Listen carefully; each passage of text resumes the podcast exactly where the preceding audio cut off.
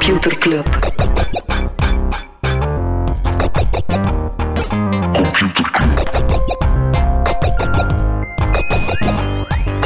Computer Club. Hey Smolly, Hey Freddy, welkom, welkom terug. welkom. Welkom bij Computer Club, de wekelijkse podcast over technologie. Iedere aflevering selecteren Freddy en ik een interessant artikel en presenteren we een feitje. Heb je dat niet bewust gedaan? Nee. Is De wekelijkse podcast. Ja? De wekelijkse podcast. Wekelijkse podcast Ik denk dat we... We zijn de wekelijkse podcast. We gaan het wel gewoon vanaf nu op We hebben nog een geen wekelijkse podcast. Nee? We hebben nog geen kastaar niet, ik was er niet. Wat? Ja. Ik was er niet, maar dat zal betekenisvol zijn. Nerdland heeft hem gewonnen dit jaar. Ah, terecht. Zeer terecht, inderdaad. Terecht, terecht, terecht. Maar echt, dat is zo zot, hè, hoe dat wij... Weet je nog dat we gewoon die een... Welkom, welkom terug. Een wekelijkse podcast over Zechling. Dat is echt gewoon... Dat is spontaan in episode 1 gebeurd, hè. En dat blijft En dan hebben we op episode 1 gedacht van, ah ja, oké, dat was eigenlijk wel niet slecht. Ja, voilà. Maar ik ging, ik, ging, ik ging de podcast beginnen met de vraag, gaat het Smolly? Ik merk gewoon hoe dat je een intro gedaan hebt, dat je een beetje over toer bent. En ik, ik weet waarom. Waarom? Het was niet aangenaam op Twitter van het weekend. Als TT, als TT-fan Ah, ja, ja, ja, als absoluut. TT-fan moet het niet, eh, niet plezant geweest zijn. Wat is Nee, er daar gebeurd? We konden meer zoeken naar TT. Ja, waarom niet? Er had iemand AI-porno of toch expliciete beelden van eh, Taylor Swift gemaakt. En bij Twitter dachten ze, shit, we hebben geen contentmoderatieteam niet meer. Hoe moeten we hiermee omgaan? Weet je wel, we gaan er gewoon voor zorgen dat mensen niet meer kunnen zoeken naar eh, Taylor Het is, Swift. zo, het is zo echt een perfect storm van iedereen zo, ja, shit. Met al die AI-technologie, ja, deepfakes, dat zal nu wel een ding worden. In combinatie met het feit dat natuurlijk Twitter basically geen content-moderatieteam meer heeft. Ja. Maar dat inderdaad zo, hoe gaan we het oplossen? en ze hebben nu wel... De, zoek, de zoekopdrachten naar Taylor Swift. Maar je kunt er wel nog altijd naar zoeken, maar gewoon varianten van haar naam. Dus Ah, het is zelf niet eens een grondige blok. Oh, ik heb het zelf Exact. niet geprobeerd. Ik moet die beelden nog niet zien. Maar wat ik wel interessant vond... eh, X heeft bijna in één adem aangekondigd dat ze 100 nieuwe medewerkers gaan aannemen om de strijd aan te gaan met beelden van seksueel misbruik van kinderen. Dus ze hebben alsnog aangekondigd dat ze moderatoren gaan aanwerven. Dat, dan nu, dat, heeft er, dat staat er los van, denk ik. Maar het is eh, wel grappig dat dat in één en dezelfde weekend gebeurt. Dat staat er totaal niet los van. Dat is zo, ja, ja, ik ben echt heel benieuwd dat die 100 mensen er echt gaan komen. Ja. Mijn geld staat op niet. Weet je nog dat Elon Musk Twitter gekocht heeft omdat het een botprobleem had? Ja, En hij ging de echte mensen eh, laten zien. Ik ga daar ze- zometeen eh, nog op terugkomen. Ja? Right. Misschien nog terugkomen op een interessant artikel dat Jona gedeeld had op het forum. Er was een eh, super interessante longread over het feit dat techbedrijven niet langer vies zijn van geld uit het Midden-Oosten. Want herinner u, na de moord op Khashoggi, op die journalist van de Washington Post, door eh, kroonprins MBS uit eh, Saoedi, ja, was natuurlijk even niet meer dan dat je, eh, ja, dat, je, dat je venture capital ging gaan halen in het eh, Koninkrijk of in die andere Mhm. eh, in die andere staten. Maar dat stuk vertaalde van, ja, weten, tegenwoordig is ja, investeringen zijn moeilijker, dus techbedrijven het totaal niet meer zo erg om, eh, om de jet te nemen.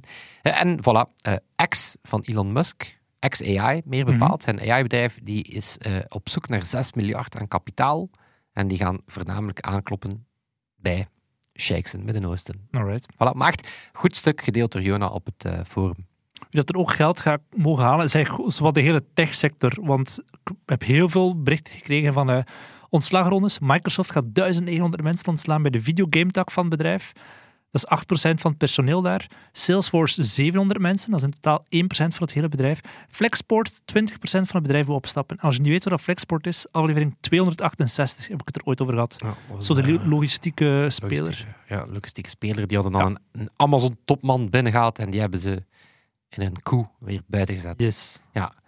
Dus eh, ik, ik, ik moet eerlijk toegeven dat ik zo, ook al is dat ik natuurlijk extreem, extreem sneu voor al die, eh, voor al die tech workers, maar zo die layoff rondes, dat is, het is zo hard aan het gaan dat het weer zo'n topic is waarvan je zegt, ja, Ja, man, maar al die mensen er- zullen misschien ook wel nieuwe bedrijven oprichten. En dat Ja. zal weer tot een nieuwe Ik had een interessant, leiden. interessant stuk gelezen over waarom dat layoffs, onder andere ook bij Riot Games, waren er ook recent, eh, in gaming extra hard zijn. Die, de- wat het heeft er alles mee te maken dat technologiebedrijven zitten vaak heel geconcentreerd in steden. En er zijn ook veel andere techbedrijven in die steden. Dus als je ontslaan bent, kan je bij een ander techbedrijf aan de slag. Gamebedrijven die zitten veel meer verspreid. In Gent bijvoorbeeld. Ja, maar als je je job in Gent verliest, er is quasi geen ander groot gamebedrijf Nee. daar. Dus daar betekent je ontslag krijgen wel degelijk met je hele gezin eh, moeten verhuizen naar een andere staat. Dus er was wel een stuk die zei, ja, techprofielen, niet leuk, maar die vinden het wel, mensen die in gaming werken. Dus eh, er, kwam door onder, er kwam onderzoek uit die zei dat mensen die ontslagen worden in de gamesector het vaak ook gewoon in, voor bekeken houden in de gamesector. Alright. Ja, dus dat is wel... eh allee, het is voor iedereen sneu, zeker in de gamesector. De ook sneu is, is de overname van iRobot, die uiteindelijk niet doorgaat. Amazon ziet ervan af. Ze hebben in augustus 2022 ooit aangekondigd, maar waarschijnlijk door de Europese wetgeving zeggen ze nu, "Oef, het is te veel eh, moeite voor wat het eigenlijk gaat opleveren. Ja. Dus ook- Roomba ook- zal nog altijd uh, er vaderloos ooit zelf een aflevering over gedaan. Ja. Ja, maar dat was zo pre... Dat was zo, er was een periode dat robotstofzuigers nog echt iets nieuws waren. En toen was Roomba wel zo... 2005 of zo. Toen was dat wel echt zo... Roomba was zo ja, de, de shit. Maar intussen is dat een redelijke commodity aan het worden. Ook plug naar Robin, die mijn, mijn nieuwe Blauwpunkt. Dat is een Duitse robot. Heeft aan. robot? Ja, dat is echt goed. Echt goed, ja. Fantastisch. Ik heb hem trouwens verplaatst, want ik moet hem zo een huisje geven. Ik had dat zo ergens in mijn berging gedaan, maar niet doordacht, want dan kon ik mijn berging niet meer, niet meer dicht doen. Denkfout. Dus ik zeg, ah, weet je, waar heeft hij veel ruimte om ergens onder te staan dat ik hem niet zie? Onder mijn bed. Ah, onder die bed. Geen rekening houden met het feit dat hij van die blauwe ledjes heeft wanneer dat hij op zijn chargingpunt staat. Dus nu heb ik het gevoel dat ik zo op een botsauto sla. het is wel cool, hè? In het Een fanclubhuis space. van Club Brugge. Ja, zo'n spaceship. Dat ik zo... Ja, dat is wel echt goed. Nice. Ja, nee. Dank u, Robin. Goeie tip. Ja. Krijg ik een eh, regulators jingle? Ja. Regulation. Mount up. Dat is mijn favoriete mensen die nog maar net beginnen luisteren zijn. Ja, die weten dat misschien niet. Dat zijn jingles die wij laten maken hebben. Hè. Zoals deze, wacht. Cybernews. Ja, Nice. wel, om op die origin story verder te komen. Dus hier heb ik een man met een heel dik Russisch accent moeten vertellen. Ik wil dat jij doet alsof dat jij een Russische hacker bent en Mhm. cybernews uitspreekt. Maar dus die regulators jingle heb ik ook moeten uitleggen aan die voice, aan die voice actor Ja. van ik wil het dus over regulation hebben, maar als een gangster uitgesproken. Dus dan moet het, zijn heel specifieke briefings. Ik heb zelfs nog een ik wil knallen, maar eh, ga verder. Ah, ja, Waarom heb ik was bijna vergeten dat ik regulators nieuws ging. jingle nodig hebt? Het zat er ook aan te komen, maar de FTC, dat is de, ja, hoe moet je dat zeggen, zo de concurrentie, waakhond een stukje in de, in de VS. Die hebben niet de beste track record de afgelopen jaren. Nou, die willen daar wel eh, harder optreden. Maar wat dat ze nu gaan doen is, ehm, normaal treden die dat op als er acquisities zijn. En dan Mhm. zeggen ze, ja, mag dat wel en, eh, en, en brengt dat concurrentie niet in het gedrang. Maar ze gaan nu ook de investeringen van Microsoft in OpenAI en de investeringen van Google in Anthropic gaan onderzoeken. Want dat zijn in principe geen overnames, Nee, nee. maar dat gaat over Ja, zoveel geld en ook, daar zijn zoveel commerciële afspraken dat het eigenlijk quasi-overnames zijn. Dus ik denk dat er wel ergens... eh, er is wel rook. Ja, FTX zat er ook voor 400 miljoen in, hè? In Anthropic. Ja, Ik heb het boek nu dus Anthropic uit. heeft ze meteen willen teruggeven. Dat is wel interessant. Ja. Of dat was een van de eh, dingen dat in de... Die nog waarde hadden na de die nog waarde hadden na, de, na, de, na het faillissement, inderdaad. Van, Ja. oké, we zitten hier wel op een zeer grote stake in een van Ja. de heetste AI-bedrijven. eh. Ik heb het boek uit en het is wel interessant. Het is niet dat je zo nadien meteen weet van ah, hij is echt extreem schuldig of hij is niet schuldig, Sam Bankman-Fried. Het boek is dus eh, het nieuwe boek van Michael Lewis, dat gaat over Sam Bankman-Fried en FTX en de val, en de rise en de val. Het gaat vooral over de rise en zo een wat voor zonderling figuur dat Sam Bankman-Fried is. Maar het is niet dat je zo nadien weet van ah, er zijn echt keihard gesjoemeld of zo. Dat blijft ook een beetje in het midden van... Het is inderdaad, er- je kan er kritiek op hebben, maar ik denk dat het inderdaad ook wel zo'n grijs, grijze zone was. Als ik het zo lees, kan ik me niet echt voorstellen. Die is gewoon een heel bijzonder figuur. Maar on, als je alle stuff dat hij doet uitgaat, hé, dan kun je toch niet twijfelen aan het feit dat hij zeer hard wist dat hij, dat hij de wet aan het overtreden Het is was. gewoon zodanig wereldvreemd dat hij volgens mij niet bewust zegt van ik ga hier mensen gigantisch in het zak zetten, maar gewoon dat hij ook zelf door zijn eigen personeel, plots was er zo 400 miljoen weg, wist niemand waar het naartoe was. Er was volgens mij Ja, heel veel eh, mensen daar die nadien in zijn schoenen hebben geschoven, maar dat er daar onderling van alles cowboys zijn geweest die heel veel geld ook hebben eh, afgetroggeld van is iemand die de zodanig wereldvreemd De was. meest heftige discussie dat we ooit al in de podcast gevoerd Ja. Want je waart dus zo bijna zo een beetje je stem aan het verheffen. Maar ik zat ook wel, moet ook wel toegeven, mensen zagen dat niet. Ik zat ook wel zo paternalistisch nee te schudden. Wat? Terwijl dat jij dat aan het Ah, ja. vertellen was, zat Ik ik, denk- ook wel echt zo... Echt zo smolly, smolly, Ik denk dat SBF een heel makkelijk smolly, persoon is om smolly. alles in zijn schoen te schuiven, wat dus zodanig wereldvreemd is. Ah, maar dat is ding, dat is een gecultiveerd imago. Waarin dat hij zo zich echt als zo de tech whiskit afdeed. Maar Nee, nee, hij is geen whisky. Het is gewoon extreem autistisch. En zijn klasgenoten en zo, die aan boek, in dat boek ook aan bod komen, die zeggen ook van, maar die gast was totaal niet zo hyper slim of zo. Het, is, het is gewoon echt een hele wereldvreemde dude. Oké. Als ze ze leest heb. Ja, dat wel. Smolly gaat hem op het forum smijten. Heb je dat nog niet gedaan? Dat ga ik nu doen. Oké, Niet nu. Eerst Nee, we nee. je stuk brengen. Ja, perfect. Of heb je nog non-nieuws? Ik heb geen non-nieuws meer. Ik ook niet.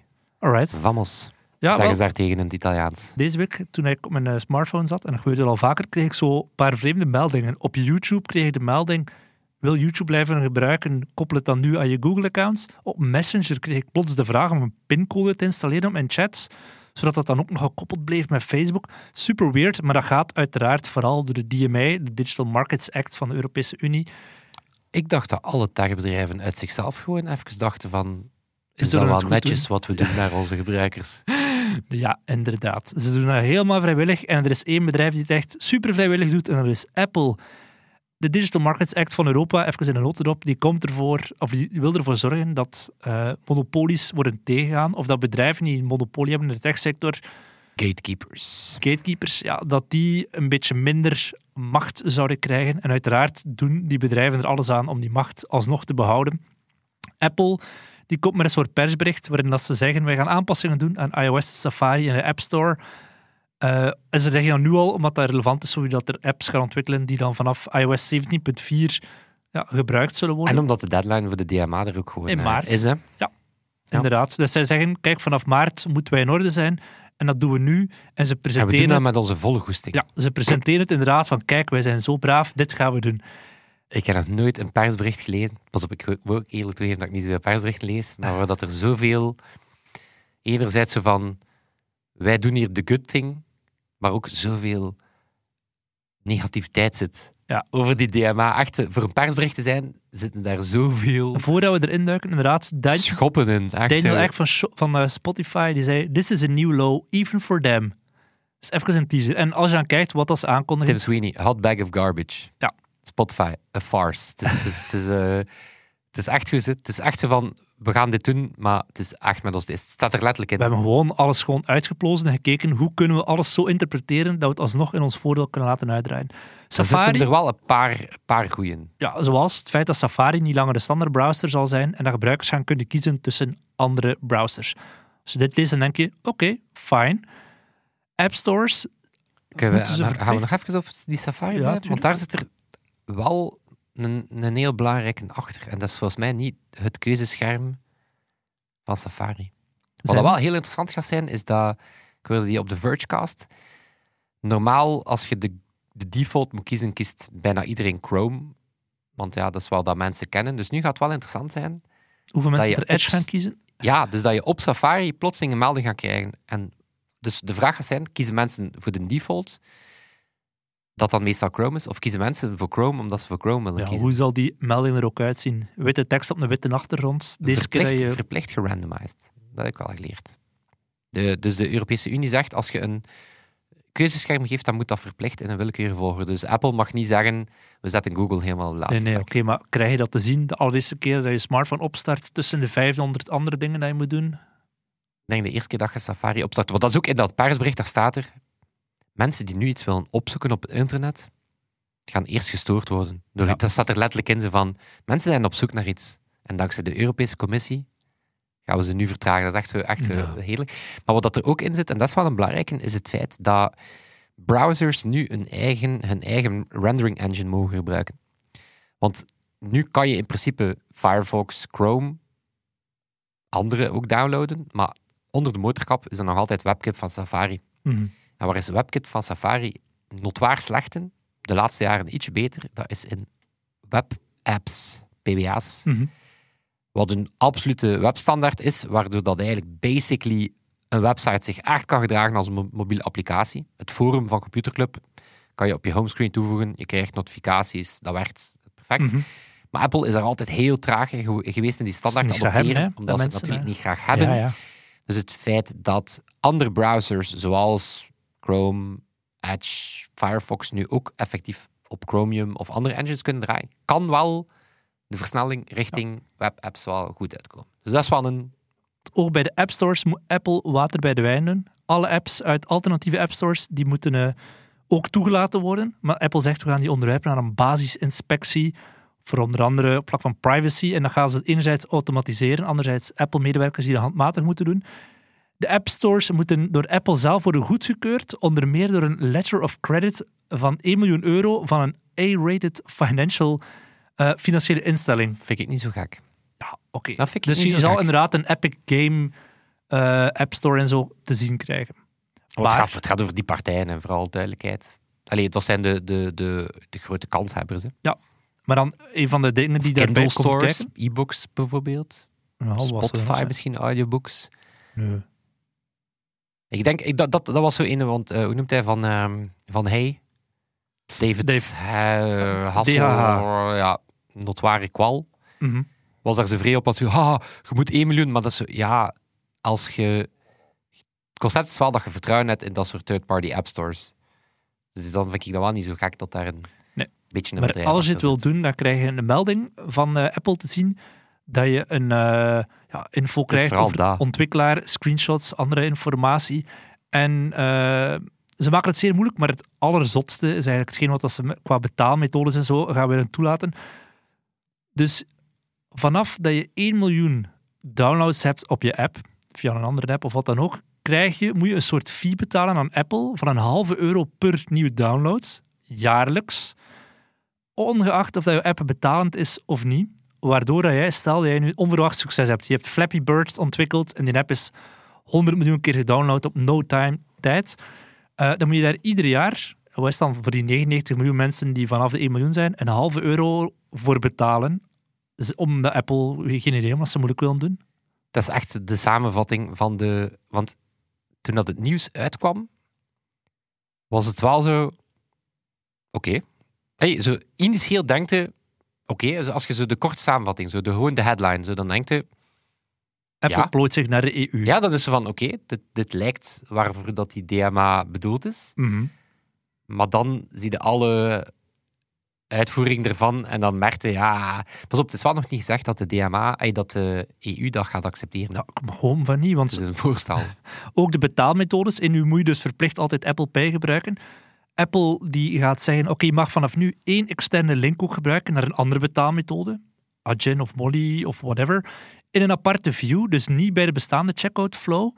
Geen button of checkout flows. Dat moet gewoon een, een tekst zijn, een link, die in Safari moet geopend worden. Mag geen direct attachments bevatten, dus je moet verplicht ook gewoon een keer opnieuw inloggen.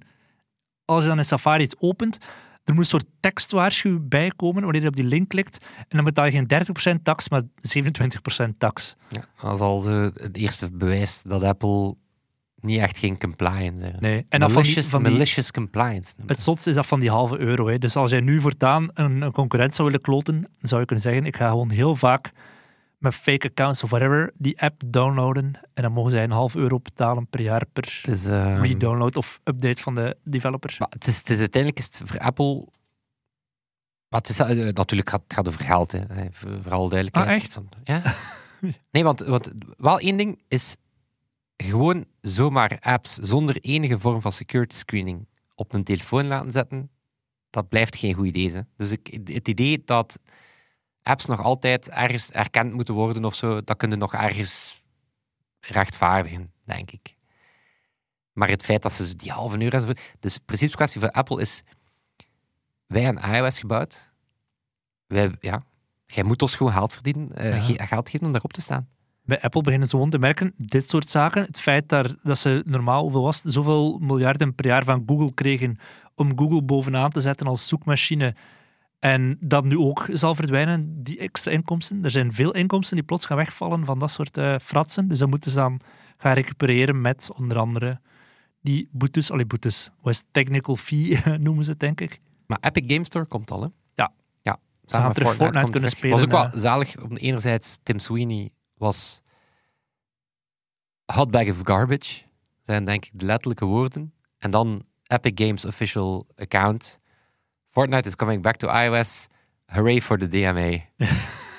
ik weet niet of dat daar ironie in zat, maar zo... Denk dat ze wel Beide dingen zijn, kunnen eh, waar zijn. ja, ja. Ik denk dat ze wel echt blij zijn dat ze terug op i- iPhones blijven een huge Ja, maar inderdaad, de manier waarop denk dat. En ik, ergens lees je ook van. Heel veel mensen hadden, denk ik, onterecht verwacht dat de Apple dan maar de strengste wetgeving over heel de wereld ging volgen. Niemand had. Mensen dachten, zoals de USB-C-iPhone, van ja, eens dat Apple dat doet, Mhm. gaan ze het overal doen. En dat hebben ze gedaan.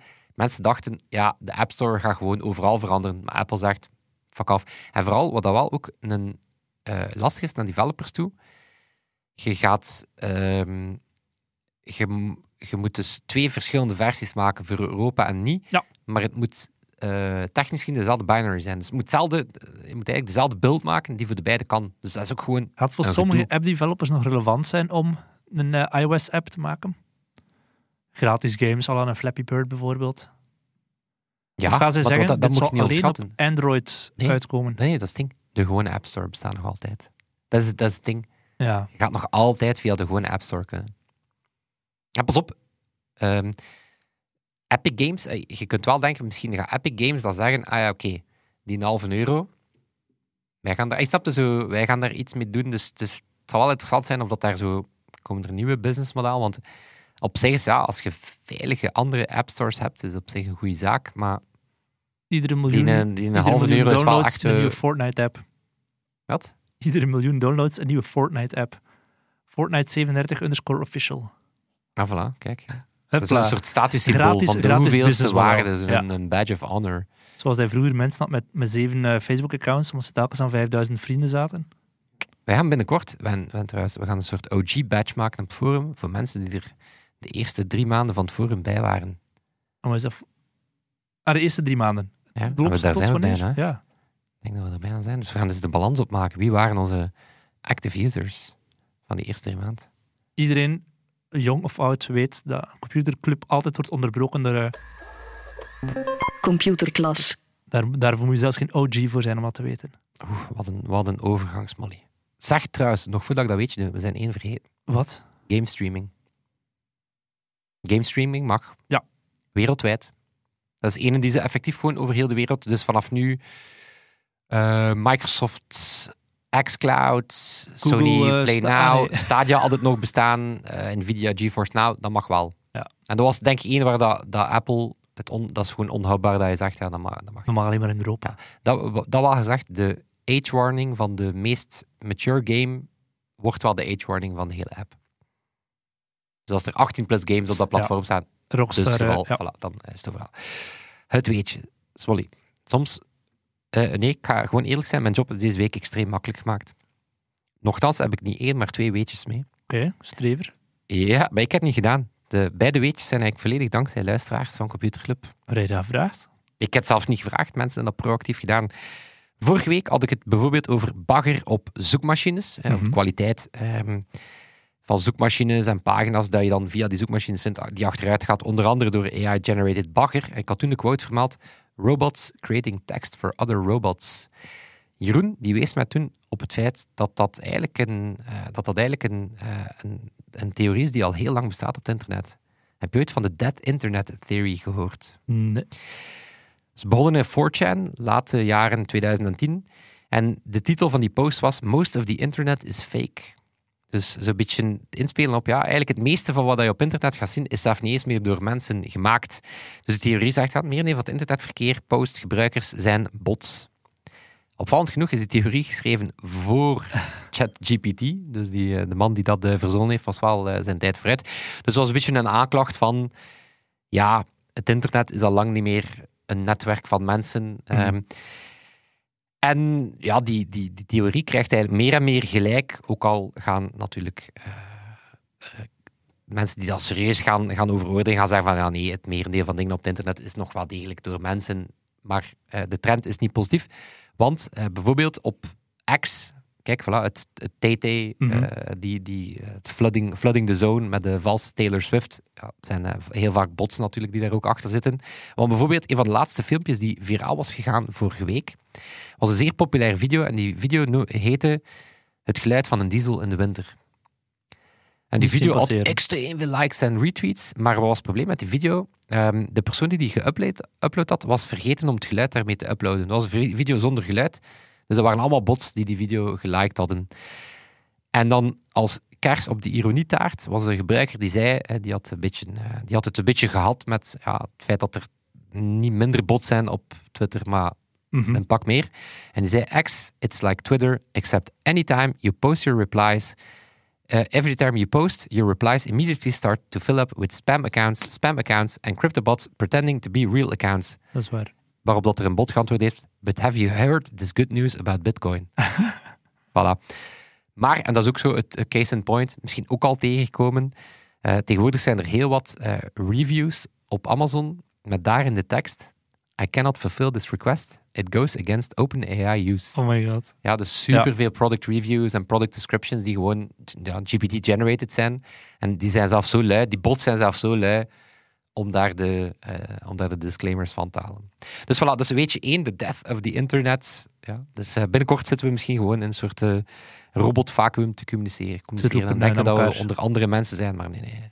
Het is allemaal bibi Onze luisterstijds op podcast, op eh, Soundcloud en op Spotify. Ik weet dat er al twee luisteraars zijn, tenzij dat heel overtuigende bots zijn. Maar de tweede ben ik wel zeker dat dat een echte mens is, dat is Chris. En Chris is al een Chris heel lang, heel lang... We hebben, echte het, we hebben mens. hem trouwens eens geplukt, omdat zijn, Ja. zijn, zijn dochtertje, zijn plusdochtertje, hem eh, in de, in de bloemetjes zou zetten. Zo'n lieve man. Chris was ook zo lief om mij te vertellen over hoe laat is het op de maan. Aha, daar ja, even dat was inderdaad een eh, vraag eh, had, even aan het wegzweven naar de maan. Omdat jij het toen over NTS wat computertijd is. En ik zei, ja, hoe laat zou het zijn op de maan? Chris die vertelde mij over Luna, LunaNet. En dat is een uitvinding van NASA en ESA, of een nieuwe standaard. Een soort netwerkprotocol, specifiek voor missies naar de maan. Want ja, we krijgen nu ja, wel meer... Ja, de maan is terug hot. We Mhm. gaan er terug met snel meer naar de maan. Dus we hebben een systeem nodig. We hebben eigenlijk een, een, een beetje het internet nodig om de tijd, maar ook data, locatie, GPS ja, te kunnen uitwisselen tussen, ja, t- tijdens maanmissies. Nu, waarom dan niet het internet? Want dat wisselt ook al die dingen uit. Wel, internet gaat uit van een on- ononderbroken connectie. Dat gaat eigenlijk uit van het feit dat een datapakketje verzonden en ontvangen wordt, maar natuurlijk in de ruimte met ja, afstand die heel lang is, de banen van planeten die dingen verstoren en zo, ja, kan je er niet uit. Dus LunaNet is een voorbeeld van een Display slash Disruption Tolerant Networking Protocol. protocol. Een DTN. Ja, dat is nog altijd geen antwoord op de vraag hoe laat Nee, is het op de maan. Hoe laat is het dan op de maan? Wel, daar wordt samen met het uitrollen van LunaNet, want dat is wel degelijk de bedoeling dat al die space agencies, die gaan het allemaal Mhm. ondersteunen. Ehm, er wordt ook nog consensus gezocht over hoe laat gaan we dan zeggen dat het op de maan is. Want Marsmissies, en mensen die ooit The Martian gelezen hebben, die weten dat. Hoe spreken ze in Marsmissies over de tijd? Oh, hoeveel patatten dat de dingen al gekweekt heeft. Bijna. wordt in sol uitgedrukt. Sol. Sols. En dat zijn dagen sinds de Marslanding. Omdat ja, bon, op Mars, er zit niet veel volk op Mars. Nee. Dus dan kan je gewoon zeggen, Sol 2, tweede dag dat sinds dat we hier zijn. Ja, Marsdagen of aarddagen? Aha, voilà. En Marsdagen, die zijn iets langer dan aardedagen. Aha. Waardoor dat ook het rover-team op aarde, hun shifts waren niet 24 uur, hun shifts waren 24 uur en 40 minuten. Ja. Omdat ze natuurlijk mee moesten in die sols en die Marsdagen. En tot nu toe volgen Mars, eh, maanmissies ook de tijd van hun crew op aarde. Maar ja, eens dat er meerdere crews op de maan gaan zijn, Chaos. Chaos. Maar dat gaat dus ben- dankzij LunaNet en whatever tijdzone dat we dan afspreken dat het op de maan is. Binnenkort gedaan zijn. Maar kijk, ja, mijn job als eh computerclubber Begin nog is maar. makkelijk gemaakt. Ja, en Freddy. Moet ik hier al iets knallen of niet? Waarover gaan we het hebben? Nee, je moet jij niks knallen, maar we zijn, het wordt een lange episode. Veel te bespreken. Weet je nog die keer dat Mark Zuckerberg... bewe- Zuckerberg. Voilà. Zalig! Oh my, ik was... ver- Doet, doet hij nog een keer? Zuckerberg. Zalig. Enfin, ik was dat vergeten, dat was de Facebook Dumpster Fire en dan hadden Zuckerberg. Ja. Damn, ik mo- ik geef u bij deze permissie om mij in mijn stuk nog zeer vaak te Zuckerbergen. Weet je nog die keer dat Mark Zuckerberg wou bewijzen dat hij een grote innovator was, het metaverse had uitgevonden en zelfs de naam van Facebook veranderde naar Meta? Dat weet ik nog zeer goed. Wel, Mark Zuckerberg is nu op een duidelijke PR-tour. En dan kan je eh, werken wanneer dat er tal van interviews verschijnen met iemand. Dan wordt er wel eens een PR-tourtje gedaan. Weet je wat hij dit jaar gaat doen? Hij heeft elk jaar zo'n challenge dat hij gaat Wat doen. gaat hij doen? Dit jaar gaat hij koeien kweken in Hawaii en de beste steak proberen maken. Oké. Ja. Oké. Wat gaat hij ook nog doen? Behalve koeien kweken.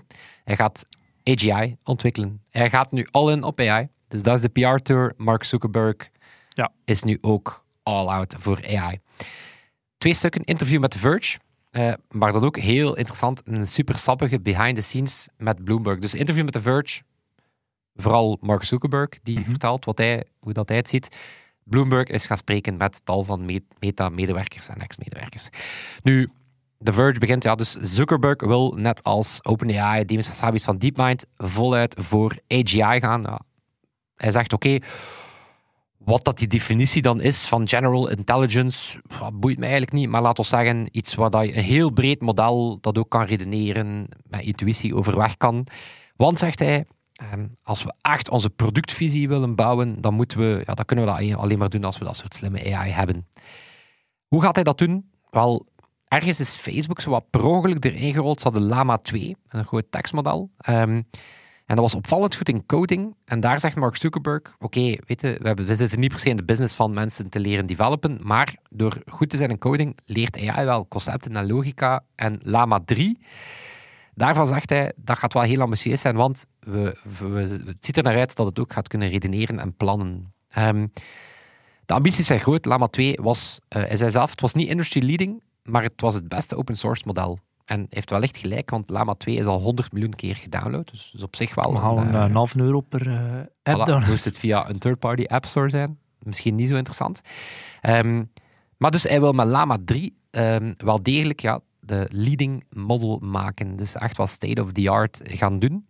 Ehm, hoe gaat hij dat onder andere nog doen? Eh, de FAIR groep, dat is eigenlijk de researchgroep die echt wat fundamental artificial intelligence research doet. Eh, die wordt nu ook gewoon deel van het team dat GenAI moet loslaten op alles dat Meta maakt, van apps en features enzovoort.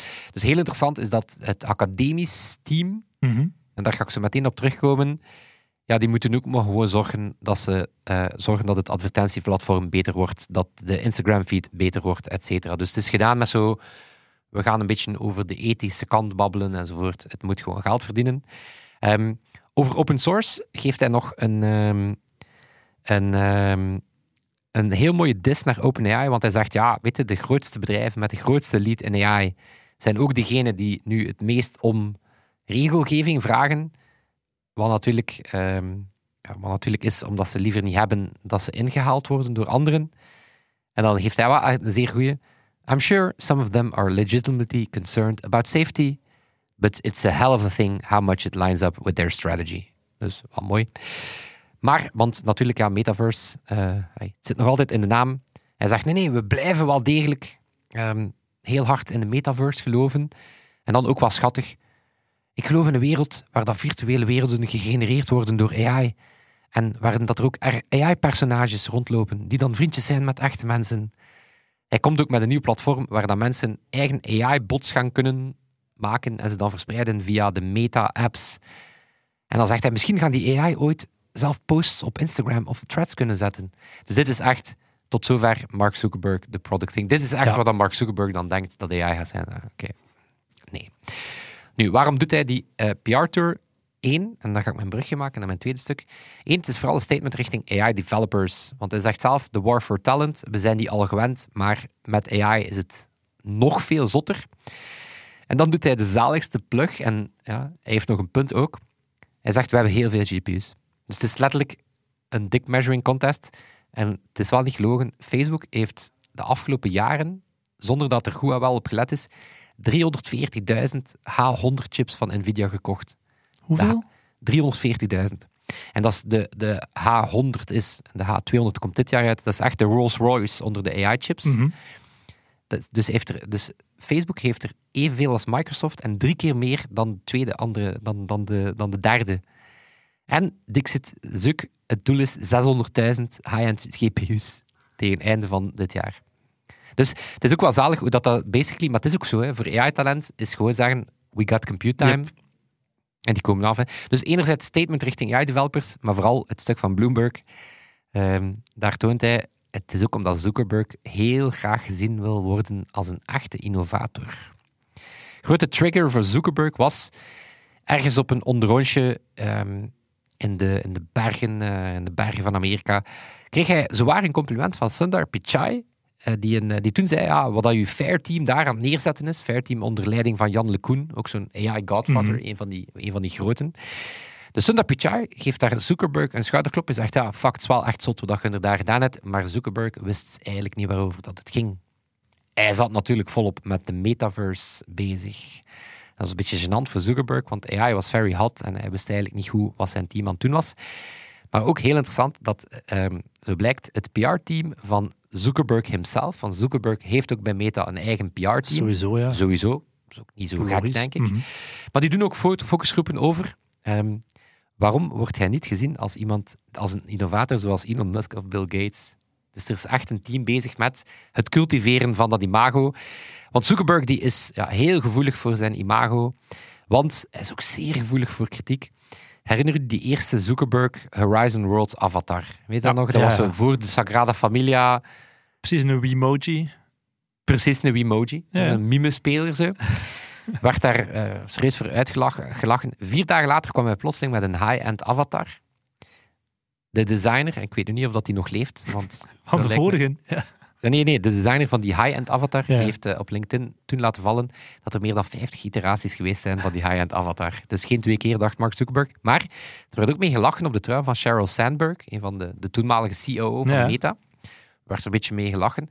Officiële, enige, officie- de enige officiële reactie van de, van de eh, spokesperson van Meta op het hele artikel van Bloomberg is Mark doesn't recall having a conversation on that topic while he was there. maar niet toevallig na die trui heeft hij wel zijn hele PR-team ontslaan. ja. Nochtans, Meta doet wel coole dingen. Ze hebben onder andere een bot die diplomacy kan spelen. Dat is een, een, een soort discussie boardgame. Ja, ja. En die zo mogelijk het dichtst bij ja, menselijke... je kent het? Diplomacy. Ja. Ja. Ja. ja. De- de- daarvan wordt, eh, heb ik ooit eens in, in een Wired-artikel gelezen, dat, dat komt wel heel dicht bij menselijk gedrag. Ja. Dat, is, dat is nadenken, plannen, Mhm. onderhandelen, manipuleren, eh, alles erbij. Dus die bot is, is, eh, heeft een aantal wereldtoppers eh, verslaan. Ze hebben ook PyTorch gemaakt, wat een heel belangrijke tool is in, om, om AI te ontwikkelen. Ze hebben van alles en nog wat in hun ads-platform gedaan, newsfeed gedaan, maar niks à la ChatGPT. Ze hebben, ze hebben eigenlijk consumer-facing, geen hot AI-product. En wat dat er heel hard pikte, wie was er niet uitgenodigd in het Witte Huis bij de voorstelling van de nieuwe eh, AI-guidelines van Biden? dan. Zuckerberg.